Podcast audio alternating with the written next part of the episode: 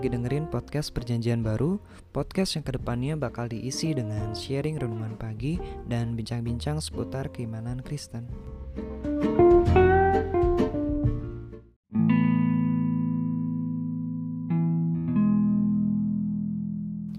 Setia. Rut 1 ayat yang ke-16 Tetapi kata Rut, janganlah desak aku meninggalkan engkau dan pulang dengan tidak mengikut engkau Sebab ke mana engkau pergi, ke situ jugalah aku pergi, dan di mana engkau bermalam, di situ jugalah aku bermalam. Bangsa mula bangsaku, dan Allah mula Allahku.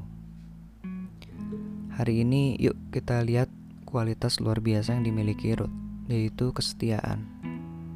Ia seorang wanita Moab, menantu Naomi. Ruth sudah kehilangan suami karena meninggal, dan berhak kembali ke negerinya dan meninggalkan ibu mertuanya.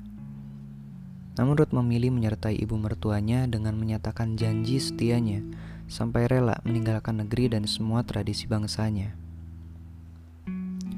Selain itu, Ruth berkata Tuhan akan menghukumnya dengan berat apabila ia memisahkan diri dari mertuanya, kecuali karena kematian, di ayat yang ke-17.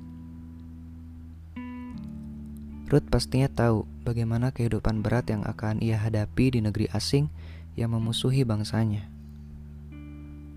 Namun kesetiaan merupakan harga mati baginya dan ia siap menanggung apa pun demi mempertahankan kesetiaan.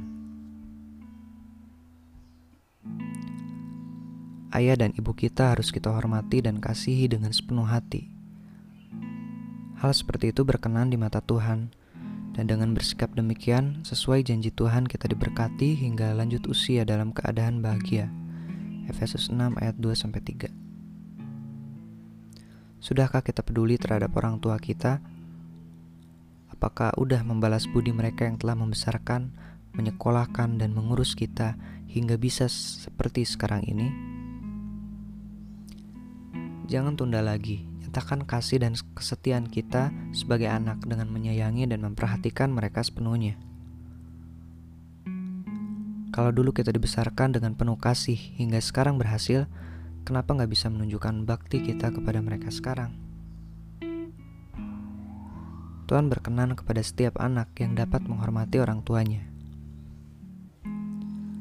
Dunia boleh berubah, tidak setia dan sering berkhianat, tapi orang yang setia akan sungguh menjadi berkat, bahkan menerima kelimpahan berkat sorgawi.